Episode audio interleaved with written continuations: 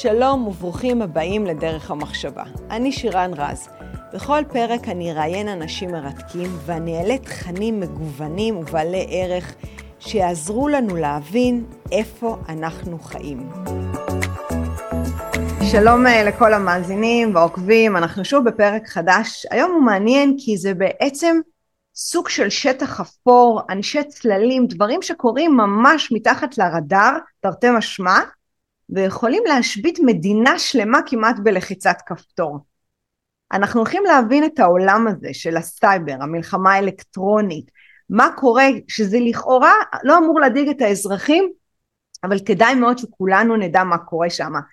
ובשביל זה הזמנתי את נתי כהן שהוא לשעבר מנכ"ל משרד התקשורת, קצין אה, קשר ותקשוב ראשי בדרגת תת-אלוף, הוא גם נבחר להיות בין 100 המשפיעים של דה מרקר, הוא יו"ר דירקטוריון של כמה חברות בתחום הסייבר, הוא בדיוק הבן אדם שיעשה לנו סדר מה זה אומר על הלוחמה שקורית ממש עכשיו מאחורי הקלעים. שלום נתי.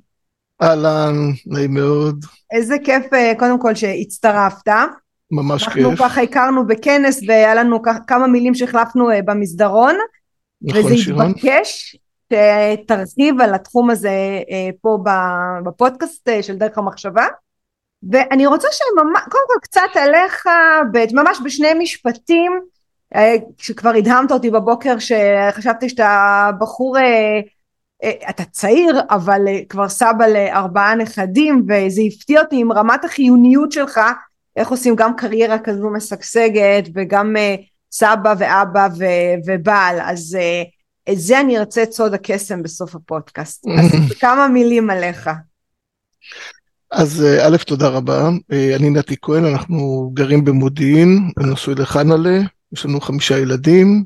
אחת הבכורה לצערי הרב, אבל לשמחתה, היא גרה בארצות הברית, עם נכדה שנולדה לי ממש לפני uh, שבוע, לכן אני נמצא כאן. מזל יחד טוב. עם אשתי לסייע ולעזור, בשבוע הבא כמובן שאנחנו חוזרים, חוזרים הביתה לישראל. כן. אז uh, אני uh, גדלתי למעשה ב- ב- בשירותי כקצין קשר בחטיבת הצנחנים.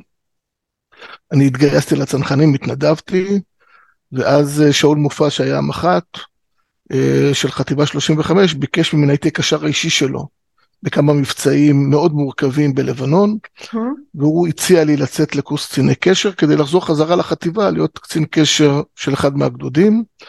ואכן נהניתי לאתגר יצאתי לקורס קציני קשר חזרתי חזרה והייתי קשרג בגדוד 202 ומשם למעשה התפתחה הקריירה שלי לאורך כל הדרך בתפקידים, תפקידי קצין קשר ותקשוב, במערך המערך המבצעי של צה"ל, כן. עד להיותי קצין הקשר והתקשוב הראשי. וכמובן שבמהלך השנים הללו התקשוב הוא אחד התחומים שעברו את הדינמיקה ואת השינויים ואת הטרנספורמציות. הגדולות ביותר ש, ש, שקרו אה, בצבא, ואני ארחיב עליהם יותר מאוחר. מיד לאחר מכן פרשתי ב-1900, אה, ב-2018, לפני סדר גודל של אה, 4-5 שנים, Mm-hmm. ומיד לאחר מכן התמניתי להיות מנכ"ל משרד התקשורת, בתקופת משבר המשרד עבר טלטלה בעקבות אירועי, סביב אירועי תיק 4000, הטלטלה הייתה בעיקר, הייתי אומר, ארגונית ומקצועית, כי למעשה המשרד במהלך השנים הללו חווה סטגנציה מאוד מאוד רצינית, שהשפיעה מאוד על מדינת ישראל. מדינת ישראל למעשה הייתה תקועה בכל מה שקשור למרכיבי התקשורת שלה, אם זה פריסת סיבים אופטיים, אם זה המעבר לדור החמישי, ולמעשה במהלך השנתיים הללו שהייתי מנכ"ל משרד התקשורת, הוצאנו את מדינת ישראל לדרך עם המיזמים הללו, וברוך השם אנחנו נמצאים היום באיזשהו, הייתי אומר, רנסאנס, שבו המון המון השקעות נכנסות לישראל בתחום התקשורת, ופריחה בכל מה שקשור לפריסה של התשתיות עצמם, שגם עליהם אנחנו נרחיב. אני היום... אני רוצה רגע אני לעצור פשוט... אותך פה, כי היה כתוב עליך, אני קצת עשיתי אה, תחקיר לפני.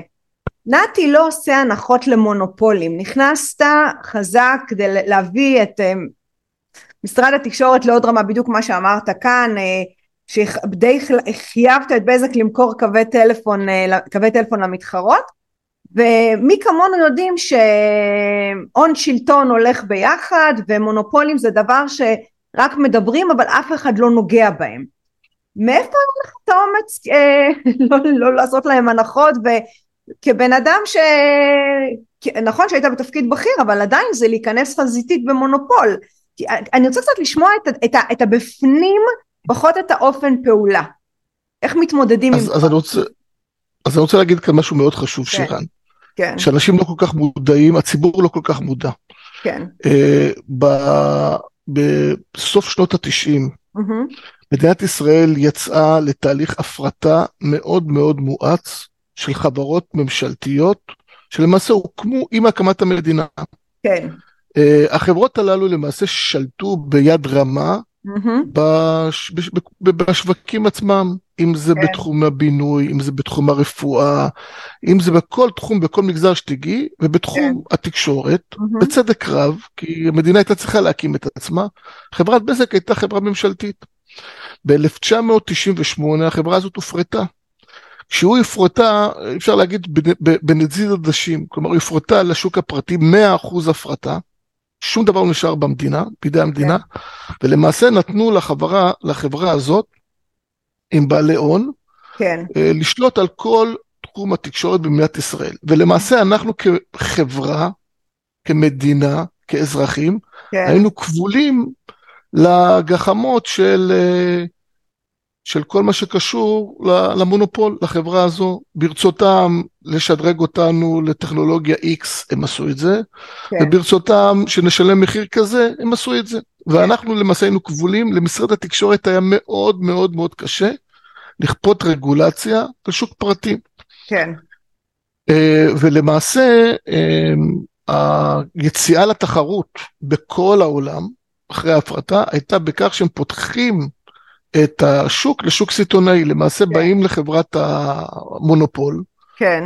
ואומרים לה, תקשיבי, התשתיות שלך הן לא בדיוק שלך, הן תשתיות של המדינה, למרות שאת שולטת בהן, כן. ואת מחויבת להעביר את התשתיות האלה, בתשלום כמובן, לידי חברות מתחרות, כדי שהם יוכלו להשתמש בתשתיות האלה ולמכור אותן. כלומר, יש שוק סיטונאי ויש שוק קמעונאי. כן. ולשוק הקמעונאי להכניס כמה שיותר חברות תקשורת, כן?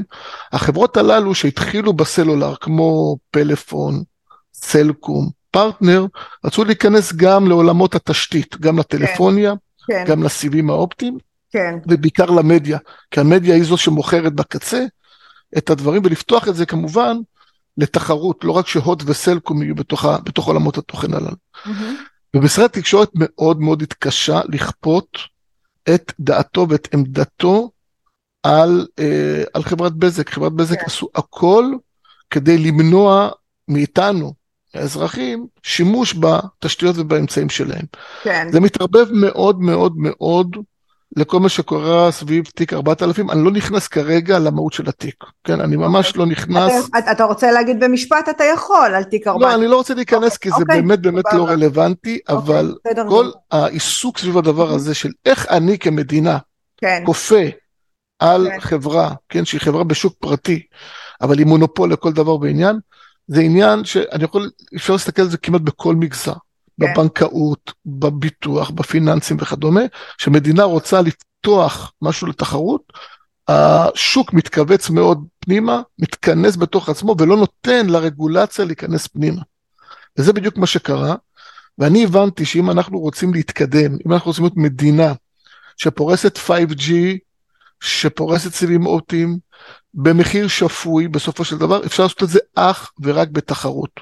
כן. לא בכפייה בתחרות. כן. ואנחנו למעשה גרמנו לכך, הקצבנו את התנאים בצורה כזאת שאפשרנו לחברות ולמשקיעים שיהיה להם ודאות רגולטורית שאנחנו איתם, אנחנו, אנחנו, אנחנו נתמוך בהם, כן. ולא נהווים חסמים לכך שהם יביאו כסף וישפיעו אותם. היום, היום שאני בשוק הפרטי, ואני יושב ראש של, של חברה שמתחרה במונופול לצורך העניין, כן. אני מבין עד כמה שמשקיע מגיע ומשקיע מיליארדים, כן? כן. הוא רוצה רק דבר אחד, ודאות רגולטורית, שאני, כשאני משקיע את הכסף שלי, כן. יש לי מודל עסקי לא יבוא פתאום איזה רגולטור, איזה שר, איזה מנכ"ל, איזה פקיד, וישנה כן. את כללי המשחק תוך כדי משחק. כן, הם רוצים ביטחון, זה בדיוק העניין גם עם הבלגן קצת עם הרפורמה, שאלה שמתנגדים אה, מפחדים שיהיה פה כל מיני אה, אה, פגיעה ברגולציה ויטלטלו את הספינה היציבה שעליהם הם משקיעים את הכסף.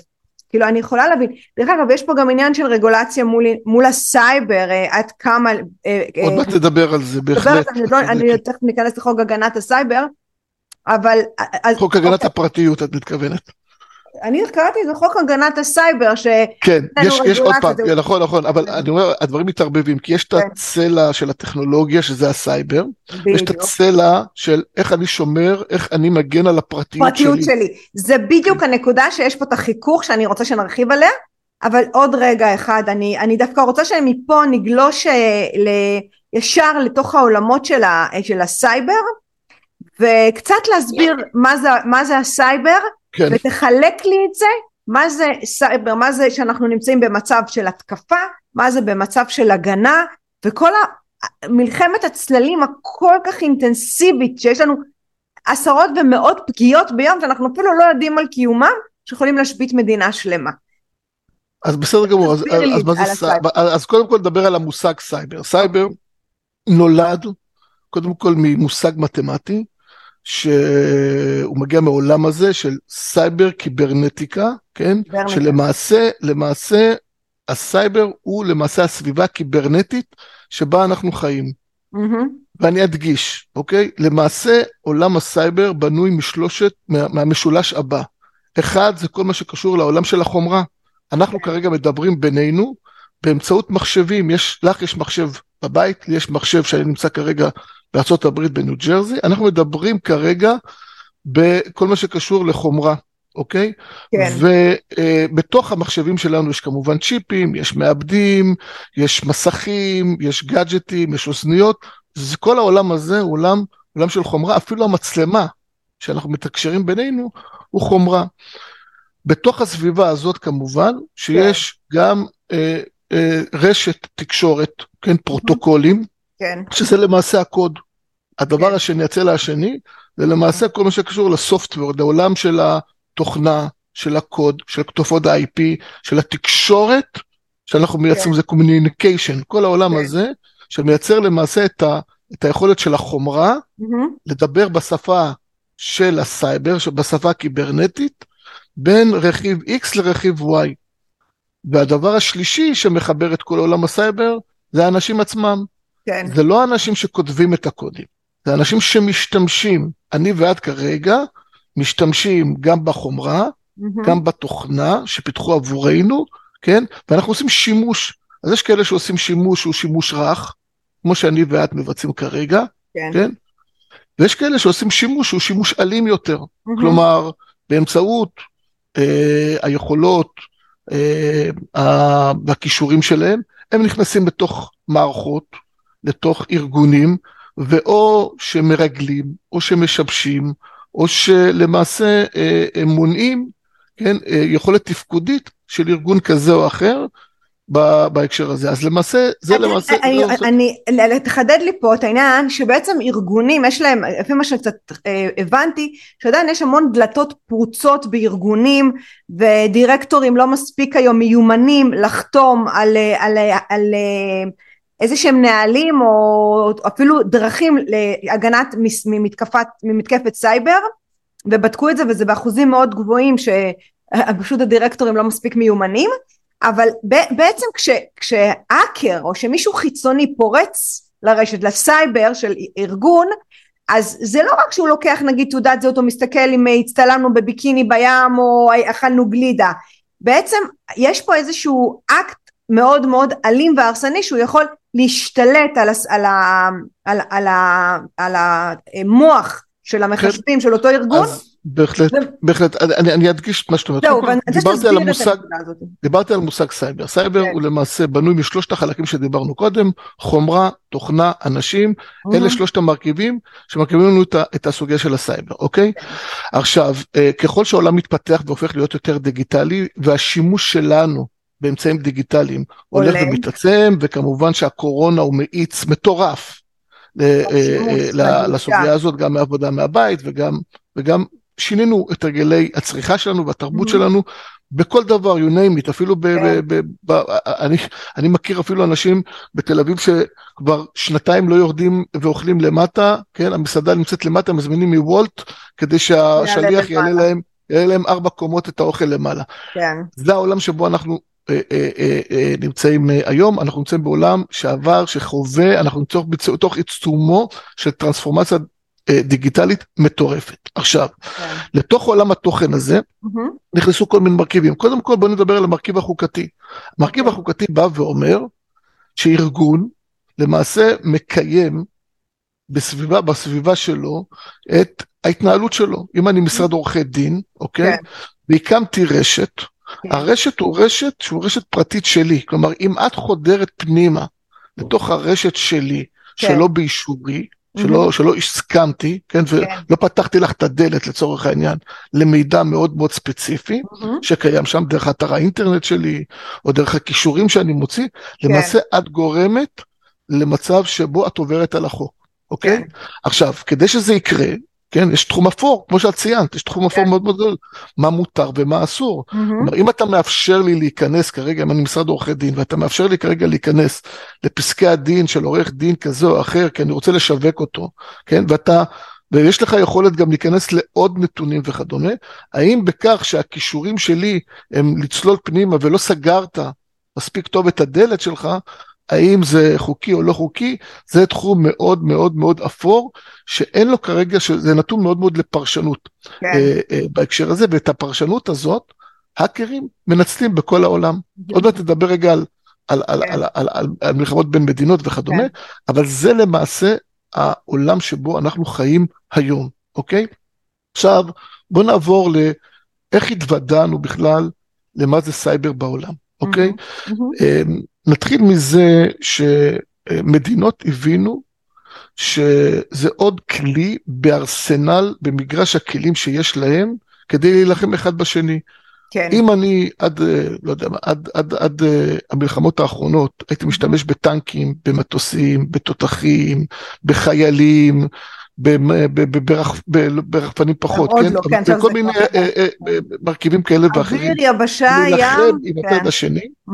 אנחנו התעוררנו פעם ראשונה בשנת 2007, שרוסיה מחליטה לתקוף מדינה שכנה, שלא כל כך ידידותית איתה, שנקראת אסטוניה, כן. ולמעשה משביתה אותה ל-48 שעות בצורה מוחלטת, את כל עולם הבנקאות, רמזורים, משרדי הממשלה, אף אחד לא יכול לתקשר עם האזרחים שלהם במשך 48 שעות. מה, מה קרה שם? מה קרה שם? למעשה מדובר במדינה מאוד, אה, אסטוניה, מדינה קטנה, שפרשה מברית המועצות. Mm-hmm. ולמעשה פיתחה לעצמה עצמאות אה, מדינית, ורצתה לעשות הכל כדי להתנתק מהשלטון הסובייטי. אז קודם כל כמובן שהיא פיתחה לעצמה המון המון, המון אמצעים דיגיטליים, וכל ההתקשרות שלה אה, במה ש, שאנחנו מכירים gov.il, כן, היה מאוד מאוד מפותח באופן יחסי. Mm-hmm. וב-2007 הפרלמנט האסטוני בטאלין קיבל החלטה שהוא מסיר מונומנט פסל רוסי שנמצא בתוך בית קברות אה, רוסי בטאלין, זה למעשה אה, אפיין איזשהו סממן של שלטון סובייטי, mm-hmm. ומבחינת הרוסים זה מאוד מאוד העליב אותם, כן. והם קיבלו החלטה שאם אתם כרגע מורידים, קיבלתם החלטה להוריד את הפסל, את המונומנט, בתוך כן. בית הקברות הרוסי בטאלין, אנחנו נראה לכם מה זה. והעולם מתעורר, ופתאום מבין שהוא נמצא בסיפור אחר לגמרי. כן. 2007 פתאום אנחנו מבינים שסייבר, או תקיפה דרך המרחב הקיברנטי, הוא למעשה אירוע שהוא אירוע מדינתי, מלחמתי, לכל דבר ועניין. מצד שני, אין, אין חוקים, אין אמנות, אה, נאט"ו אה, ואסטוניה חברה בנאט"ו, פונים אסטוניה לנאט"ו ואומרים לנו, חבר'ה, תקפו אותנו, כן. או תעזרו לנו, יש אמנה. ואז הם אומרים, אה, יש, אומנם יש אמנה, אבל אנחנו כרגע, מבחינתנו, מה, נתי הכל... אנחנו מבחינתנו, סליחה, אז עוד פעם, אומנם יש אמנה, אבל אנחנו מבחינתנו, לא, אה, אה, אין לנו את הכלים להתמודד עם האירוע הזה, ולמעשה הקימו את ועדת טאלין, mm-hmm. יש אמנה שנקראת אמנת טאלין, האמנה הזאת היא אמנה שבאה ואומרת שתקיפה בסייבר היא תקיפה לכל דבר ועניין, ונאט"ו באה ואומרת שברגע שתוקפים מדינה שהיא חברת נאט"ו, למעשה אה, אה, תוקפים מדינה שהיא מדינה שנמצאת ב, אה, אה, כחברה ו, ו, ואפשר לבוא ולסייע לה. כן. Uh, כמובן שהרוסים השתמשו במרכיבים האלה גם, גם במלחמות נוספות, גם, uh, גם מול uh, צ'צ'ניה וכדומה, uh, אבל למעשה uh, ההבנה הייתה שיש כאן אירוע כלכלי, אירוע מדיני, uh, הסינים נכנסו לתוך האירוע הזה בצורה מאוד מאוד מהותית, האיראנים נכנסו לאירוע הזה בצורה מאוד מאוד מהותית, ופה פתאום התוודענו לכך שמדינות צריכות להיערך כשאתה נכנסו לאירוע הזה, זה בעצם פיתחו יכולות, פיתחו יכולות התקפיות, הכשירו אנשים, טכנולוגיות, נכון לזה אתה מתכוון. נכון אז סין, מאוד. רוסיה ואיראן היום, אתה אומר, נמצאים במקום מאוד חזק. נמצאות עם יכולות מאוד מאוד גדולות. ולמעשה, מה שזה גרם, בסופו של דבר, כן. זה ל... אמ, הייתי אומר, זה גרם למצב שבו מדינות מבינות שמצד אחד הן חייבות לפתח יכולות התקפיות, ומי יכול לפתח התקפיות אם זה לא בצבא, במדינת ישראל זה התחיל כן. בעיקר בצה"ל, 8200 וכדומה, כן. אוקיי? במערכי המודיעין, mm-hmm.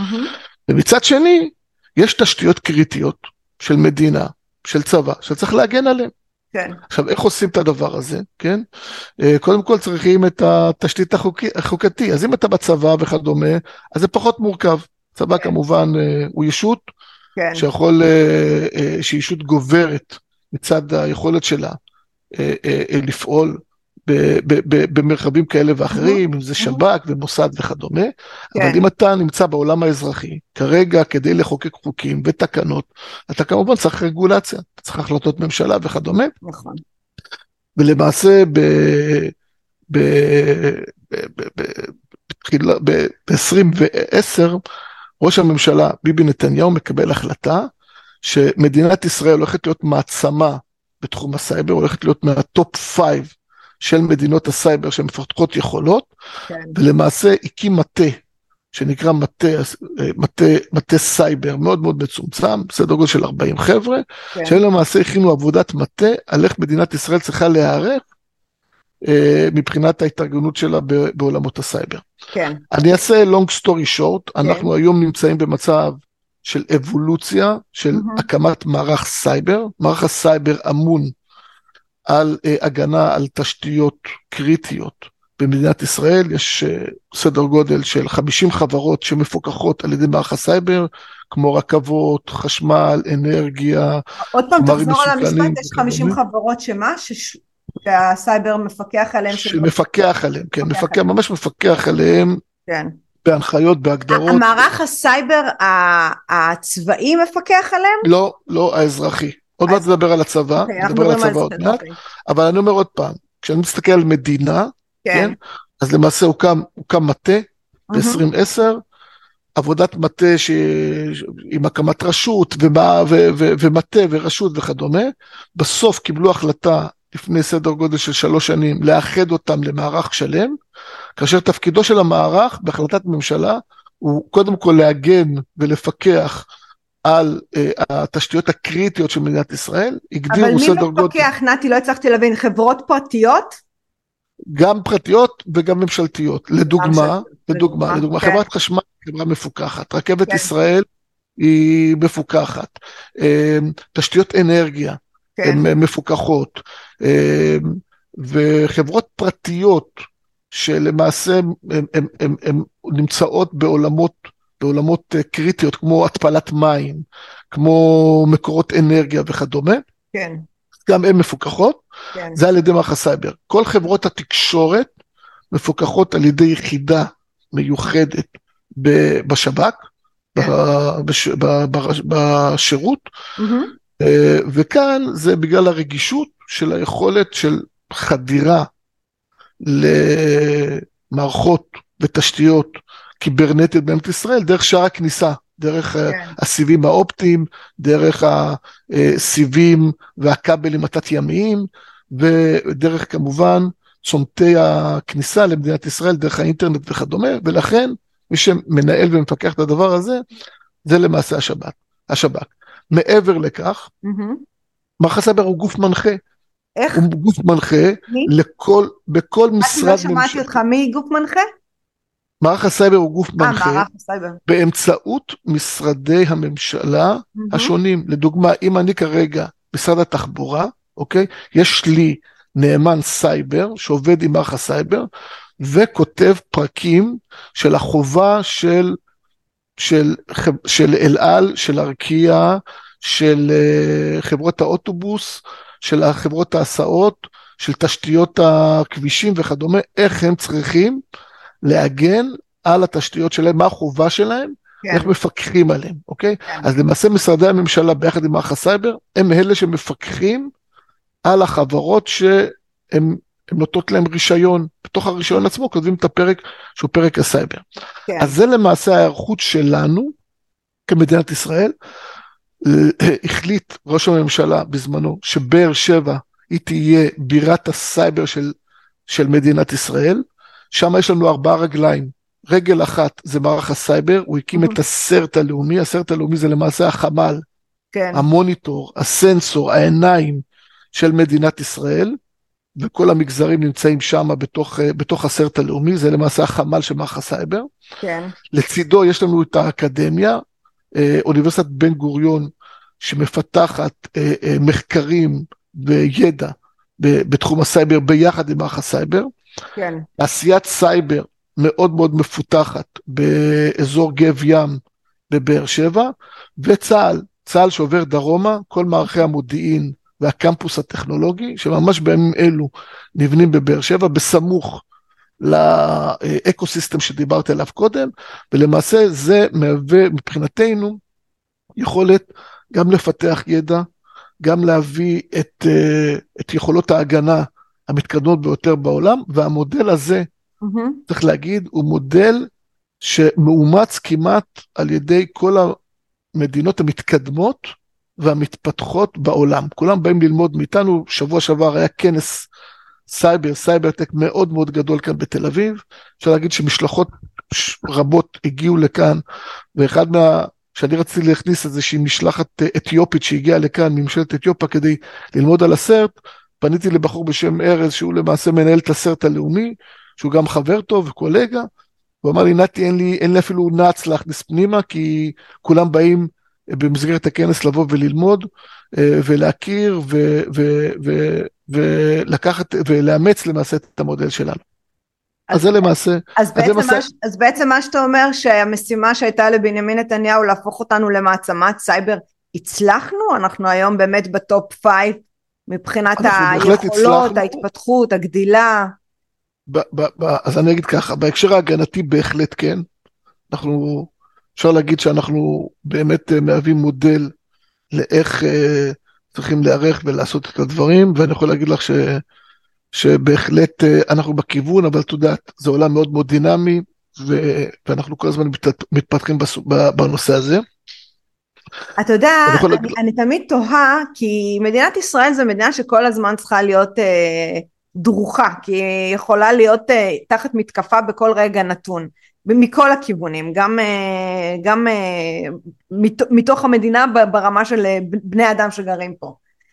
ואני תמיד תוהה כאילו איך עושים חלוקת משאבים כאילו כמה היום הסייבר מבחינת חשיבות הוא גבוה לעומת להשקיע בעוד שוטרים במשמר הלאומי בטילים לחמש אותנו איפה הסייבר מבחינת החלוקת החשיבות גם החשיבות וגם חלוקת המשאבים נמצאת היום בישראל אז אני אגיד ככה קודם כל הסייבר הוא, הוא השקעה הכי משתלמת שיכולה להיות למדינת ישראל ואני אסביר אוקיי. אה, אפשר להגיד שלמעשה אה, הזהב של מדינת ישראל זה ההון האנושי שיש לו בעולמות הסייבר. את יודעת, ביל גייטס אה, ביקר כאן בארץ ב-2002 בערך, כן. משהו כזה. מהמם. אני הייתי קצין צעיר, ראש ענף בבת שבע בבית ספר לתקשוב, והתקשרו אלינו ואמרו לנו, אנחנו רוצים שביל גייטס יגיע לשעתיים לביקור אצלכם בצבא וכדומה, תראו לו פה, תראו לו טנקים, תראו לו כן. זה, אמרנו, אנחנו לוקחים אותו לבית ספר למחשבים. כן, ברמת גן ליד ממר"ם יש בית ספר למחשבים, בינתיים הוא עבר כבר לבאר שבע, ל ecosystem שדיברתי קודם. כן, והבאנו את ביל גייטס ונתנו לו סקירה על קורס התוכנה שאנחנו מבצעים ועל החיילים, ודרך אגב, רוב החיילים שמגיעים לקורס תוכנה, הם מגיעים בשלב הקד"צ. הקורס שהם עושים, זה עוד, עוד, עוד לפני שהם שהם הם- הם מתגייסים. חיילים. ח- חצי שנה, ואז הם חותמים לשלוש שנים. עכשיו, אנחנו, למה אנחנו עושים את זה? כדי לראות שבאמת אנחנו לא מבזבזים את הזמן היקר כן, אה, להכשרה, כן. ומי שמצליח מתגייס ל- ו- ו- והופך להיות תוכניתן. וה- וה- רגע פה, וה- והסטנדרטים המועמדים צריכים להיות עם אה, בגרות של עשר יחידות מתמטיקה פיזיק, הם זה באמת היום, זה ילדים היום, מאוד זה מאוד מאוד היום, חכמים ושמשקיעים זה בלימוד. היום, אבל אני מסביר לך, ב-2002 כן, לא, לא ידעו מה זה תוכנה, כן? תוכנה זה היה באמת אה, ליחידי סגולה, ולא הם מלמדים את זה וכדומה. וכשהוא סיכם את הביקור, הוא אמר, חבר'ה, אני כל הזמן ידעתי שישראל, יש בה משהו מיוחד, start-up nation וכדומה, וכ- כמעט ואפילו המושג הזה לא היה אז. עכשיו שאני נמצא כאן בבסמ"ח, מהמם. אני מבין למה זה קורה. אתם מצמיחים את, אתם בוחרים את האנשים הטובים ביותר, אתם מביאים אותם לצבא, אתם נותנים להם כר צמיחה מטורף, כן? של יזמות, של אה, אה, רעיונות, פתיחת, אה, זה עצמאות מטורפת, כן? כן, שיש להם כאן להתפתח, מפה הם יוצאים לשוק הפרטי, והסטארט-אפ ניישן זה שהם מביאים באמת את הרעיונות ואת היכולות שהם פיתחו אה, בצבא, ואפשר גם לראות את זה, אפשר לראות שבאמת כל הסטארט-אפים הגדולים שצמחו כאן בישראל, נולדו לא מתוך האקדמיה ולא מתוך, אה, הייתי אומר, אה, תעשייה שהיא תעשייה סדורה, ושבונה את עצמה עם רגולציות וכדומה. היתרון כן. הגדול שלנו זה באמת היכולת שלנו שאין רגולציה בתוך עולמות הת- התוכן הללו, נדבר כרגע מבחינת כן, ה- ה- הפיתוח וכדומה. אה, אנשים שיוצאים מתוך אה, מערכים מאוד מאוד ייחודיים. בצה"ל, לא- מייצאים את הרעיונות שלהם לשוק, ה- לשוק האזרחי ולשוק הפרטי, ולמעשה זה באמת מה שבאמת מייחד אותנו אה, אה, בהקשר הזה. ואני אומר את אגב, זה... מה שמדהים זה, זה שגם י- ה- הצ- הצליחו לשווק את זה כל כך טוב לצעירים, שיש לזה ביקוש לא נורמלי, שאנשים נמצאים שם 24/7 מול מסכים, מתחייבים להרבה שנים, גם לפני הגיוס, גם אחרי הגיוס, אה, ובאמת זו עבודה מאוד אינטנסיבית ומאוד קשה, ו- ו- והם הם ברמת מוטיבציה צי, זה לא יאומן, הם כאילו שמחים שהם הגיעו, הם נותנים את כל כולם, אה, מה שגם אומר שמי שאומר שהדור הזה עובד בלי משמעות זה לא נכון כי עובדה שאתה נותן לו לעשות משהו שהוא באמת מרגיש שהוא ברור, תורם ברור. הוא נותן את ברור. כל כולו זה וזה. בדיוק העניין, העניין, העניין הוא, העניין הוא שאנחנו, ואני אסביר איך זה קרה בצבא, איך זה התגלגל Mhm. בצ- לצבא, אבל כן. בסוף אנחנו רוצים להגיע לנ"צ מדויק כן, בצבא. כן, כשאתה רוצה להגיע לנ"צ מדויק, אם זה באמצעות אנשים שבאים ולוקחים אותך מהבית בג'נין, כן, ואם זה באמצעות זה שאתה יורה את החימוש המדויק Mhm. למטרה הסופר מדויקת, הכל בסופו של דבר זה השילוב שלנו, של האפקטיביות שאנחנו מייצרים, כן, דרך הבינה, הבינה הרשתית שקיימת אצלנו בצה"ל. כלומר, אני לוקח את כל היכולות, את כל היכולות שיש לי בצה"ל, את כל החוכמה, את כל הידע, שם אותם בתוך פיילה אחת, מהמם, כן? שופך אותם לתוך פיילה אחת, ובסוף מוציא את המוץ מהתבן בדיוק למה שאני צריך. מהמם, אם כרגע מגיעה ידיעת הזהב, שמישהו נמצא במקום X, אני יודע לעקוב אחריו עד, עד, עד הנ"צ הכי מדויק, ולהגיד את זה בסוף לחייל שנמצא בשטח, להגיד לו, תשמע, הוא נמצא כרגע בבניין כזה וכזה, בקומה כזו וכזו, לך תקטוף אותו. אוקיי? וזה למעשה השילוב שלנו בין החיילים המדהימים שיש לנו, כן? חד משמעית. במקומות שבהם מפתחים את הקודים, לבין החיילים המצוינים שיש לנו, בשטח. בזה שהם צריכים לקטוף או לירות בנ"צ המדויק. השילוב הזה, כן, הוא שילוב מנצח. כן. בסוף מה אתה אומר? אתה אומר, בסוף, כן, זה שנמצא בעורף, במרכאות, כן, שעובד אה, 72 שעות כדי להגיע לנ"צ המדויק, מהמם. כדי שאתה תלך כלוחם להגיע לשם, אז בוא, שלא כן. נתבלבל, בסוף הלוחם הוא החשוב, כן, אומר את זה הרמטכ"ל הקודם והרמטכ"ל כן. הנוכחי אומרים את זה. אבל הסייבריסט שנמצא מאחור, כן, חוסך המון המון כוח אדם, חוסך המון המון משאבים, גורם לנו להיות הרבה יותר מדויקים, מהמם. נותן לנו את היכולת, אה, את מרחב הפעולה לעשות את מה שאנחנו עושים מבחינה בינלאומית, כי בסוף כשאתה אה, כדי להרוג, אה, כדי לסכל מפגע אחד לא מסכל 100 בדרך, ש, שהם בלתי, בלתי אה, מעורבים, אז זה חלק מהמאמץ המדיני האדיר שיש לנו. ולכן אני אומר, השילוב הזה הוא שילוב אדיר בין ההבנה שלי של מה החייל צריך בקצה, כן. לבין מה שאני מפתח לו, גרמה לכך שחברה באה ומסתכלת לא על הקוד, אלא על מה השליח, הצרכן, האזרח, צריך בסופו של דבר בקצה, וככה אני מפתח את היכולות שלי, את האפליקציות שלי לצורך העניין. כן. כמובן שמאחורה יש מה שנקרא big computing, big data, מכונות שלמות שעובדות על הדבר הזה, מהמם. אבל זה לך פחות חשוב. לך. מה שחשוב אני רוצה אבל. שתחדד לי, נתי, את העניין בין סייבר, דיברנו על הגנה והתקפה, ותכף אני רוצה גם להבין, יש פה, יש לנו גם לוחמה אלקטרונית, שאנחנו כל מה שקוראים כן. מטוסים וטילים ורחפנים, ואיך אנחנו מבדילים בין להגן על השטח שלנו ולא להפיל את המטוס שלנו, לבין אה, למוטט אה, רחפנים של, ה, של האויב, זאת אומרת, יש פה המון דקויות שהייתי רוצה קצת כן. לקבל איזושהי הבהרה. אז, אז אני אשתדל להיות ממוקד. תראי, קודם בעיה. כל בוא ננסה רגע לעשות הבחנה בין לוחמה אלקטרונית לבין אה, עולם הסייבר, והם מאוד מאוד מתחברים אחד לשני. כן. כן, אנחנו הבנו את זה בצבא מהר מאוד. כן, כל מה שקשור לעולם האלקטרוני או לוחמה אלקטרונית, זה במרחב שנקרא מרחב הספקטרום. המרחב של מה שנמצא התדרים שלנו, אוקיי?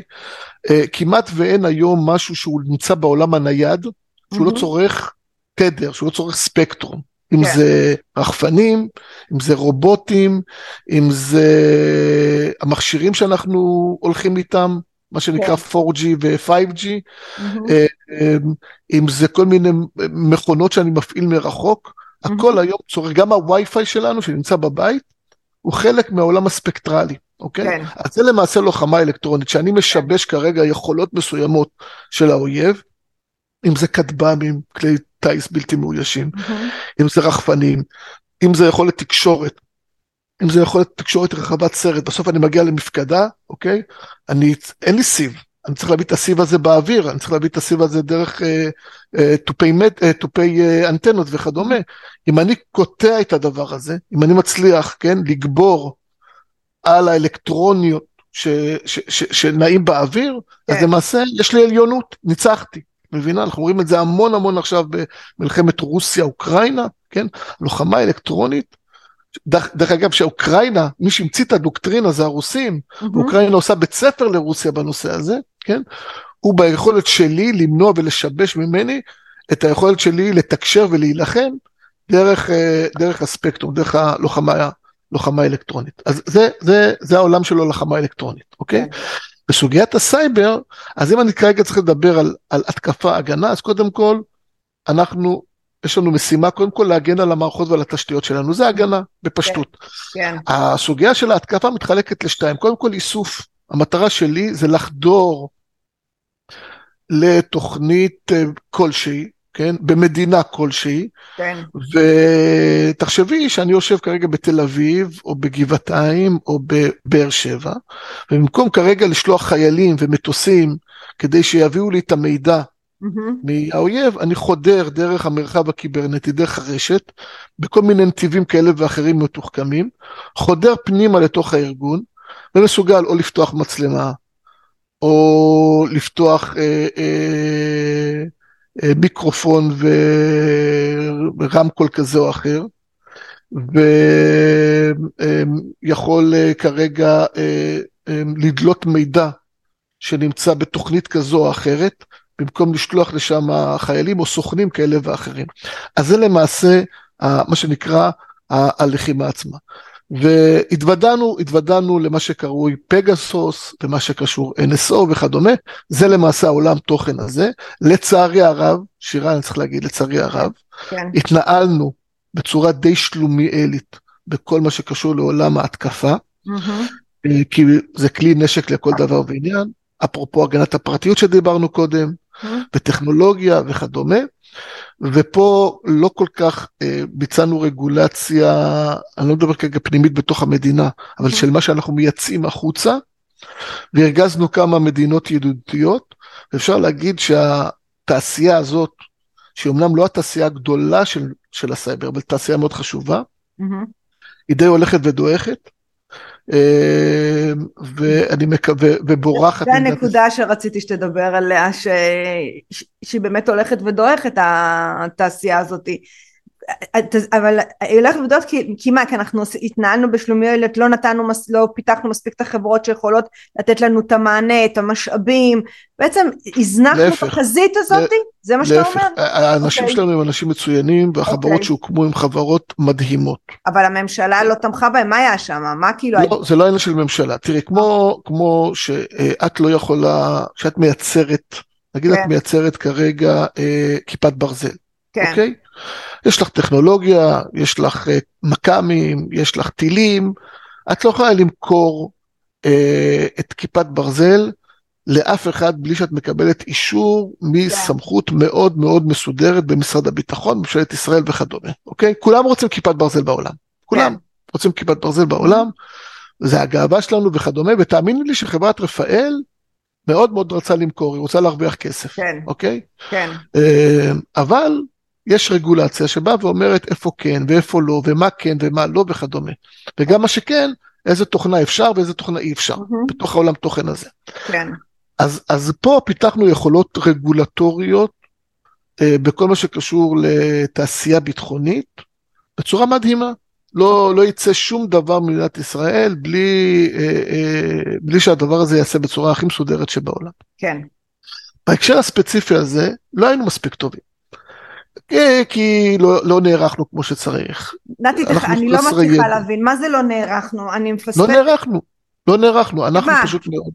לא גרמנו לכך. מכרנו החוצה דברים שאני אני, אני לא... יצאנו החוצה דברים, okay. אוקיי. כן? ללא, okay, אוקיי, ללא שליטה, ללא okay. uh, מערך בקרה, כמו שצריך.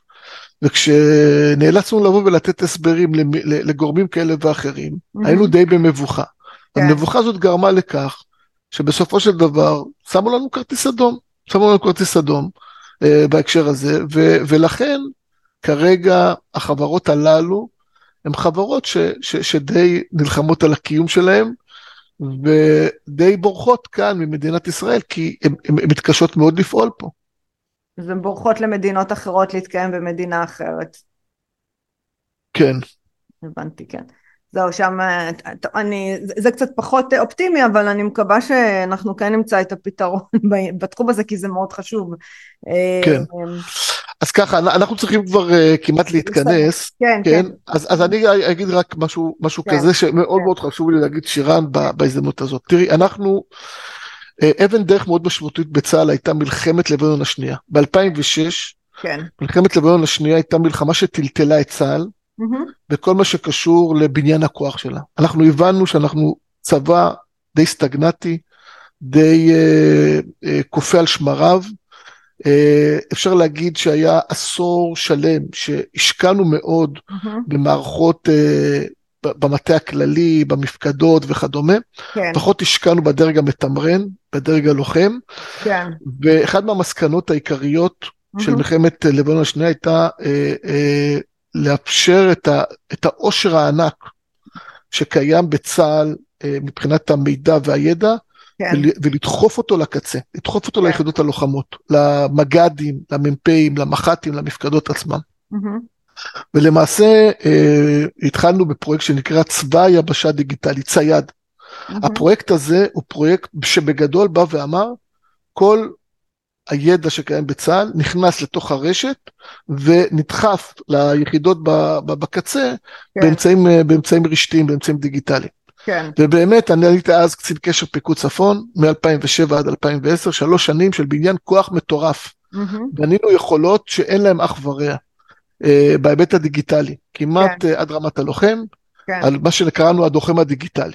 כן, אממה, פתאום הבנו שאנחנו מצד אחד מאוד מאוד דיגיטליים, כן. מאוד מאוד מתקדמים, מהמם. מצד שני, כן, זו גם בטן רכה מבחינתנו.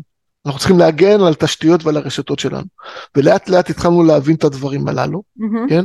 התחלנו להבין שהאויב גם מבין את נקודת התורפה ובונה גם את עצמו לדברים האלה, ולמעשה הקמנו בהתחלה ענף ואחרי זה, ואחרי זה מחלקה, והיום יש לנו חטיבת הגנה בסייבר, מהמם. כאשר הדבר הייחודי שאנחנו עשינו, לקחנו את האנשים החכמים מאמ"ן, שעסקו כן. במודיעין מאוד מאוד ספציפי בעולמות התוכן הללו, באו מעולמות האיסוף והלחימה, הבאנו אה, כל מיני אה, חבר'ה שמכירים ויודעים את מה שהם עשו מול האויב כדי להבין את, ה, את היכולות של הצד השני, כן, ולמעשה פיתחנו איזשהו ecosystem בתוך צה"ל, שבסופו של דבר מביא לידי ביטוי שכלל המערכות, הרשתות, התשתיות של צה"ל, מוגנות אה, בצורה כזו או אחרת. עכשיו, העולם עצמו היום מחולק לשלושת הדברים הבאים, בסדר? מהמם. היום בעולמות הסייבר שאנחנו מדברים. כן, אחד זה מערכות ה-IT, מה שנקרא NAC, להגן על התשתיות של ה-IT כן, בתוך הארגון שלנו, בסדר? כן. הדבר השני זה OT. OT, מה זה OT? זה כל מה שקשור לבקרים ולתעשיות. היום כמעט כל בניין יש לו מעליות, מזגנים, מהמם. הכל מתחבר ב-IP, מהמם. אפילו בבית שלנו, הדוד שמש, כשאני מדליק דוד שמש ואני מכבה דוד שמש, זה באמצעות הרשת, באמצעות הווי-פיי. כן, המערכת ההזעקה שלנו, אנחנו מפעילים, המצלמות שלנו, הכל נמצא בתוך הרשת, זה מה שנקרא עולמות ה-OT, מהמם. וכמובן שיש עולם תעשייתי שלם שקיים שם, והדבר השלישי זה הגאדג'טים, זה, זה, זה הדיווייסים שנמצאים בקצה, שגם עליהם צריך להגן. מהמם. קחי את אה, בית חולים הלל יפה, האירוע שקרה כן. בהלל יפה, בבית חולים של הלל יפה, הוא אירוע שלמעשה הכל הושבת, מערכות המידע הושבתו, המכשור הרפואי הושבת, ומה שזה גרם בסופו של דבר לבית חולים שלם חודש שלם לא לתפקד. כן, עברו, חזרו חזרה לעולם הניירות, כן? והיו ניתוחים שהתבטלו או נדחו, או שהועברו למקומות אחרים, כן, כי למעשה פגעו בכל שרשרת הערך.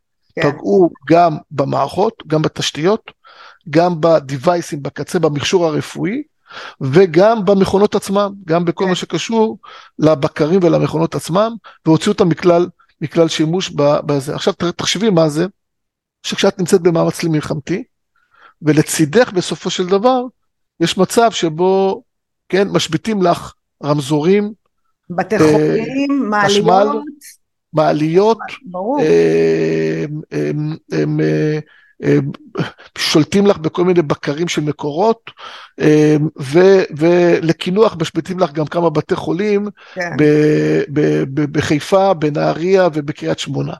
אז אני אומר עוד פעם, לזה אנחנו צריכים להיערך, ולזה לשמחתי הרבה אנחנו נערכים. אני במסגרת תפקידי במילואים גם ראש מנהלת תרגילים של התקשוב, ביחד עם מערך הסייבר.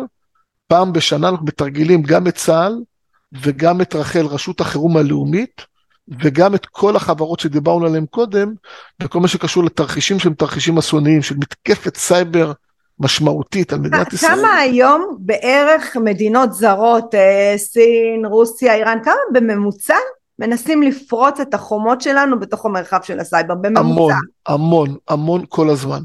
כאילו כל זה- הזמן. זה, זה כאילו אלפים מאות ביום?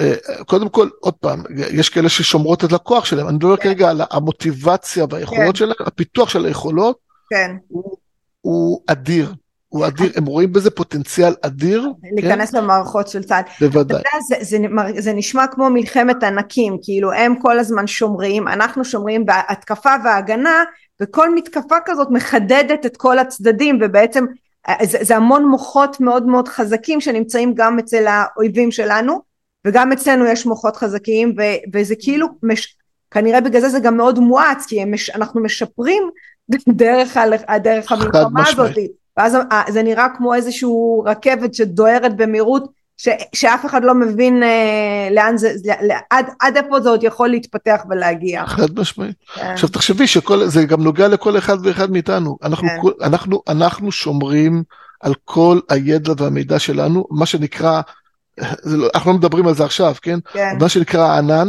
כן? כן. הענן, העננון הזה, כן. כן? אנחנו שומרים כבר את כל ה... בוא נאמר, עלייך שירן יודעים mm-hmm. כמעט, מי שרוצה לדעת עלייך משהו, כן, ולא דרך גוגל, כן. לא דרך גוגל, יכול כן. לדעת עלייך הכל, כן? אה, ויש, big, ויש big computing, לא, בסדר, אבל אם הוא רוצה להבין, תראי, בסוף אני גם אומר שלי אין בעיה שידעו עליי הכל, בסדר? כן. כשאין לך מה להסתיר, אז אין שום נכון. בעיה. יש אנשים, מדינות, ארגונים, נכון. ואנשים פרטיים שיש להם מה להסתיר. ופה זה הבטן הרכה. אני. בטוח שלנו אין מה להסתיר, ולנו הכל בסדר, כן, אין בעיה. נתי, אז בוא נסיים עם uh, טיפ לאזרחים, איך הם שומרים על עצמם. כל בן אדם פשוט מן השורה שמקשיב לנו, מה הוא צריך לעשות כדי לשמור על עצמו? בוא נדבר רגע על הנחת העבודה. הנחת okay. אוקיי. העבודה צריכה להיות, כן? כן. שאתה, אה, ש, ש, שאתה חשוף, כן? כן. כל מה שאתה מעלה ולא מעלה לרשת, כן? כן? אה, יש לו פוטנציאל, אה, יש לו פוטנציאל אה, להגיע לידיים כאלה ואחרות. עכשיו, אם אין לך מה להסתיר, ואין לך שום בעיה עם הדבר הזה, אז, אז זה בסדר גמור. כן. אם יש לך משהו שאתה רוצה להסתיר, כן, שאתה לא רוצה ש...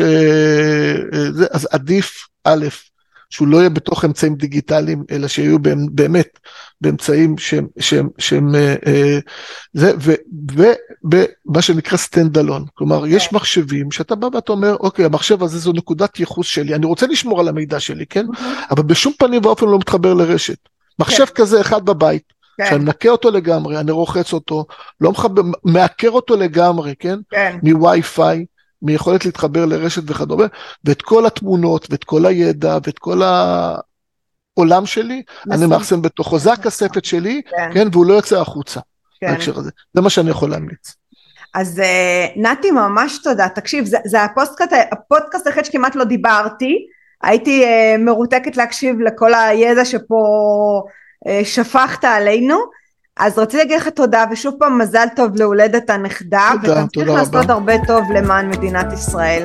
זה היה פרק נוסף של דרך המחשבה. כל הפרקים זמינים באפליקציות הפודקאסטים, בערוץ היוטיוב ובפייסבוק. אם עדיין לא הצטרפתם, זה הזמן. להרצאות בנושא חשיבה יצירתית, חדשנות, יזמות, אסטרטגיה רגשית ומדיטציה, מוזמנים לפנות אל הישירות לאופיס שטרודל שירן רז דוט קום. אני שירן רז, ואהיה איתכם גם בפרק הבא.